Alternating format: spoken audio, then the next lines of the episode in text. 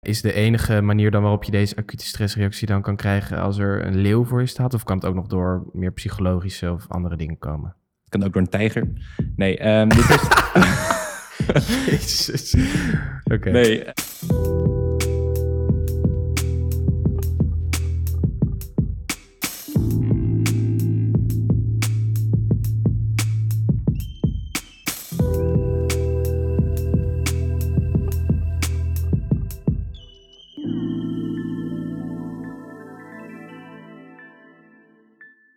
Hallo en welkom bij de Stresscast. Een podcast over stress, gemaakt door Maartje Sagers, Karsten de Roo, de rest van de 13e ondersgroep Biologie van de Universiteit Utrecht en mijzelf, Channing Huisman.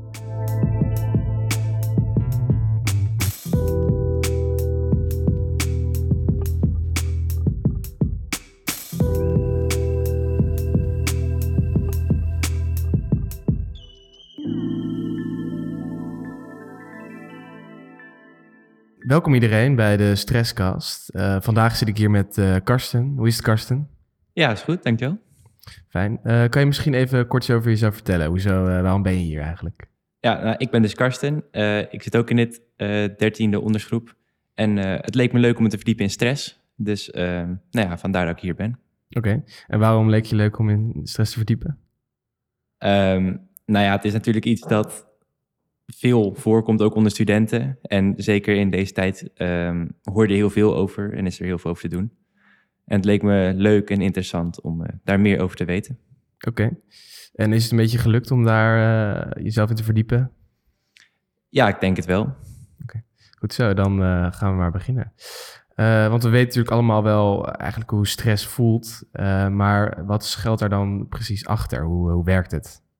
Ja, um, je hebt twee soorten stress. Je hebt acute stress, dat is op basis van het hormoon adrenaline. En je hebt chronische slash langdurige stress. En dat is uh, op basis van het hormoon cortisol. Um, acute stress uh, wordt vaak samen genoemd met het fight or flight respons. En dat is dan dus op het moment dat je schrikt, omdat er bijvoorbeeld opeens een auto van uh, de verkeerde kant komt. dan komt er een burst adrenaline vrij in je lichaam. En dit heeft een aantal fysiologische effecten, waaronder een hogere hartslag, het zorgt voor meer bloedstroom naar je spieren uh, en minder naar de huid. Daardoor zie je ook vaak dat mensen wit wegtrekken. Uh, ook zorgt het voor um, verwijderde pupillen en maakt je lichaam extra glucosevrij uit de lever. En allemaal zorgt het dus voor dat je lichaam optimaal is om te kunnen reageren. En nou ja, vroeger, echt vroeger, toen wij nog, toen mensen nog niet in steden leefden en aan het jagen waren. Nou, weet je. Precies. Ja. Toen was deze reactie vaak um, fight or flight. En vandaar dat ook wel de fight or flight respons wordt genoemd. Oké. En um, nou ja, als dit gevaar uh, is geweken, dan heeft het lichaam vaak nog zo'n 20 tot 60 minuten nodig om uh, weer normale staat te komen. Dus dat de adrenaline levels weer zijn okay. zoals ze in normale toestand zijn. Ja, precies. En je zei toch dat um, het bloed uh, naar, uit de huid gaat? Ja. En waar ging dat ook weer naartoe? Sorry. Ja, dat gaat dan naar de spieren toe, zodat oh, de, de spieren. spieren. beter doorbloed zijn. Ja. En dan um, kan je lichaam dus... En ook bijvoorbeeld van je, van je verteringsstelsel of zo, ja, dat soort dingen af. alles wat niet direct nodig is om uh, te overleven. Om te rennen bijvoorbeeld. Om te rennen, precies. Um, wordt even op een lager pitje gezet, yes. zodat je lichaam optimaal kan reageren. Oké. Okay. Um, en is de enige manier dan waarop je deze acute stressreactie dan kan krijgen als er een leeuw voor je staat? Of kan het ook nog door meer psychologische of andere dingen komen? Het kan ook door een tijger. Nee, um, dit is... Jezus. Okay. Nee, um, dit proces is dus handig inderdaad in acute stressvolle situaties. Um, maar het kan ook voorkomen zonder dat iemand een stressvolle situatie ervaart. En dit is dus bijvoorbeeld bij angsten. Dus bijvoorbeeld personen met hoogtevrees uh, die staan dan boven in een wolkenkrabber. Daar is hartstikke veilig.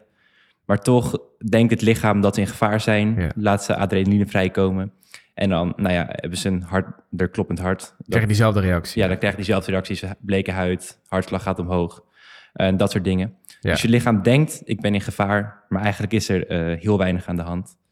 En uh, nou ja, zo'n angstsituatie hoeft niet heel ernstig te zijn. Het is natuurlijk misschien vervelend. Maar in... Ja nou, psychologisch. Ja, precies. Okay. En um, na een traumatische ervaring of zo, als je het ooit hebt meegemaakt en je komt dan in een vergelijkbare situatie, dan zou zo'n acute stressrespons ook ernstiger kunnen zijn. En dan zou het kunnen leiden tot bijvoorbeeld een uh, paniekaanval of zo. Ja, oké. Ja, en als je dan in zo'n uh, zo'n paniekaanval krijgt of uh, ergens bang voor bent, kan je dat dan makkelijk weer stoppen? Of duurt dat ook die 20 tot 60 minuten per se? Um, nou, niet per se. Als je merkt dat je in paniek begint te raken, je kunt het soms voelen, uh, soort van aanvoelen komen. Ja. Dan kan je proberen je lichaam te ontspannen. Dit kan bijvoorbeeld door iets simpels als ademhalingsoefeningen, waardoor je weer even tot rust komt. Gewoon even diep in en uitademen of zo. Ja, bijvoorbeeld. En misschien nog tot tien erbij tellen of zo. Ja, precies. Dat soort uh, dingen. En ook um, kun je PMR toepassen. Dat is Progressive Muscle Relaxation. Dat is een, uh, daarbij span je van boven naar beneden in je lichaam alle spieren een keer aan en ontspan je ze. Dus eerst bijvoorbeeld je hoofdspieren, nekspieren, schouderspieren, armspieren, borstspieren en dan zo naar beneden. Mhm. Ehm, en door zo aan te spannen en daarna weer te ontspannen, is het idee dat je spieren daarna meer ontspannen zijn dan daarvoor.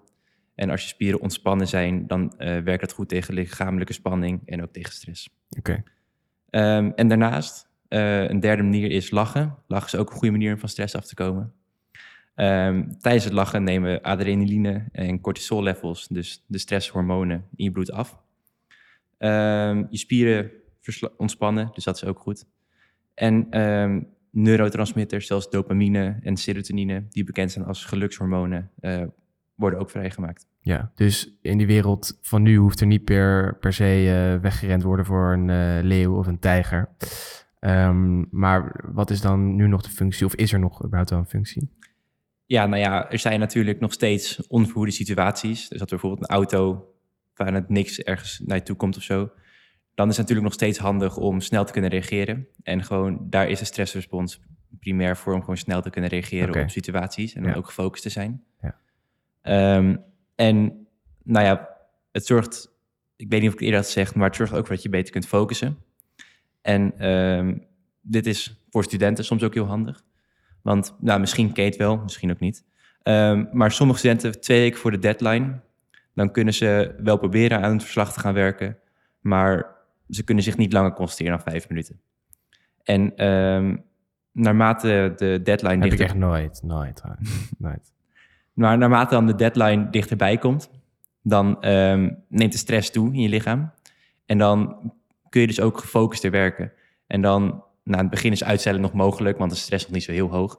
Maar op een gegeven moment, als de stress dan nou, op een bepaald punt komt en je denkt, ik moet nu toch echt wel gaan werken Mhm. aan mijn project, want anders ga ik niet meer afkrijgen. Dan lukt het door de aanwezigheid van die stresshormonen een beetje in je bloed, Ja, dat je ehm, gewoon een paar uur achter elkaar gefocust kan werken. Ja. Opeens wel, omdat het nu wel nodig is.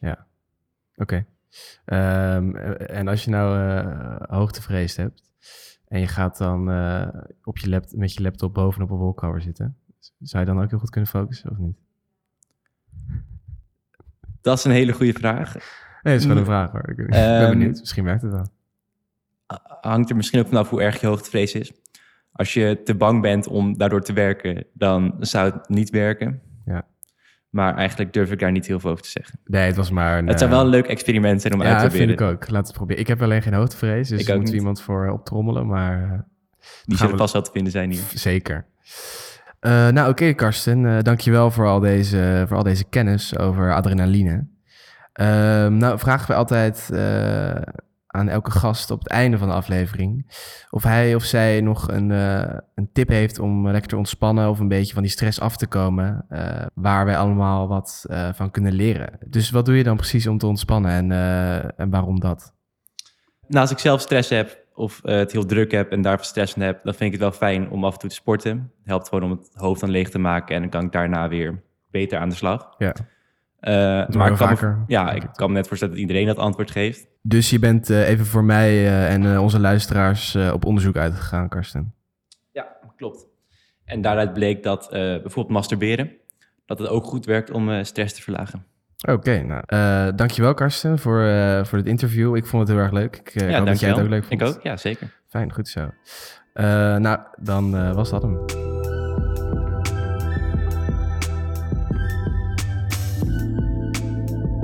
Heel erg bedankt voor het luisteren naar de Stresscast.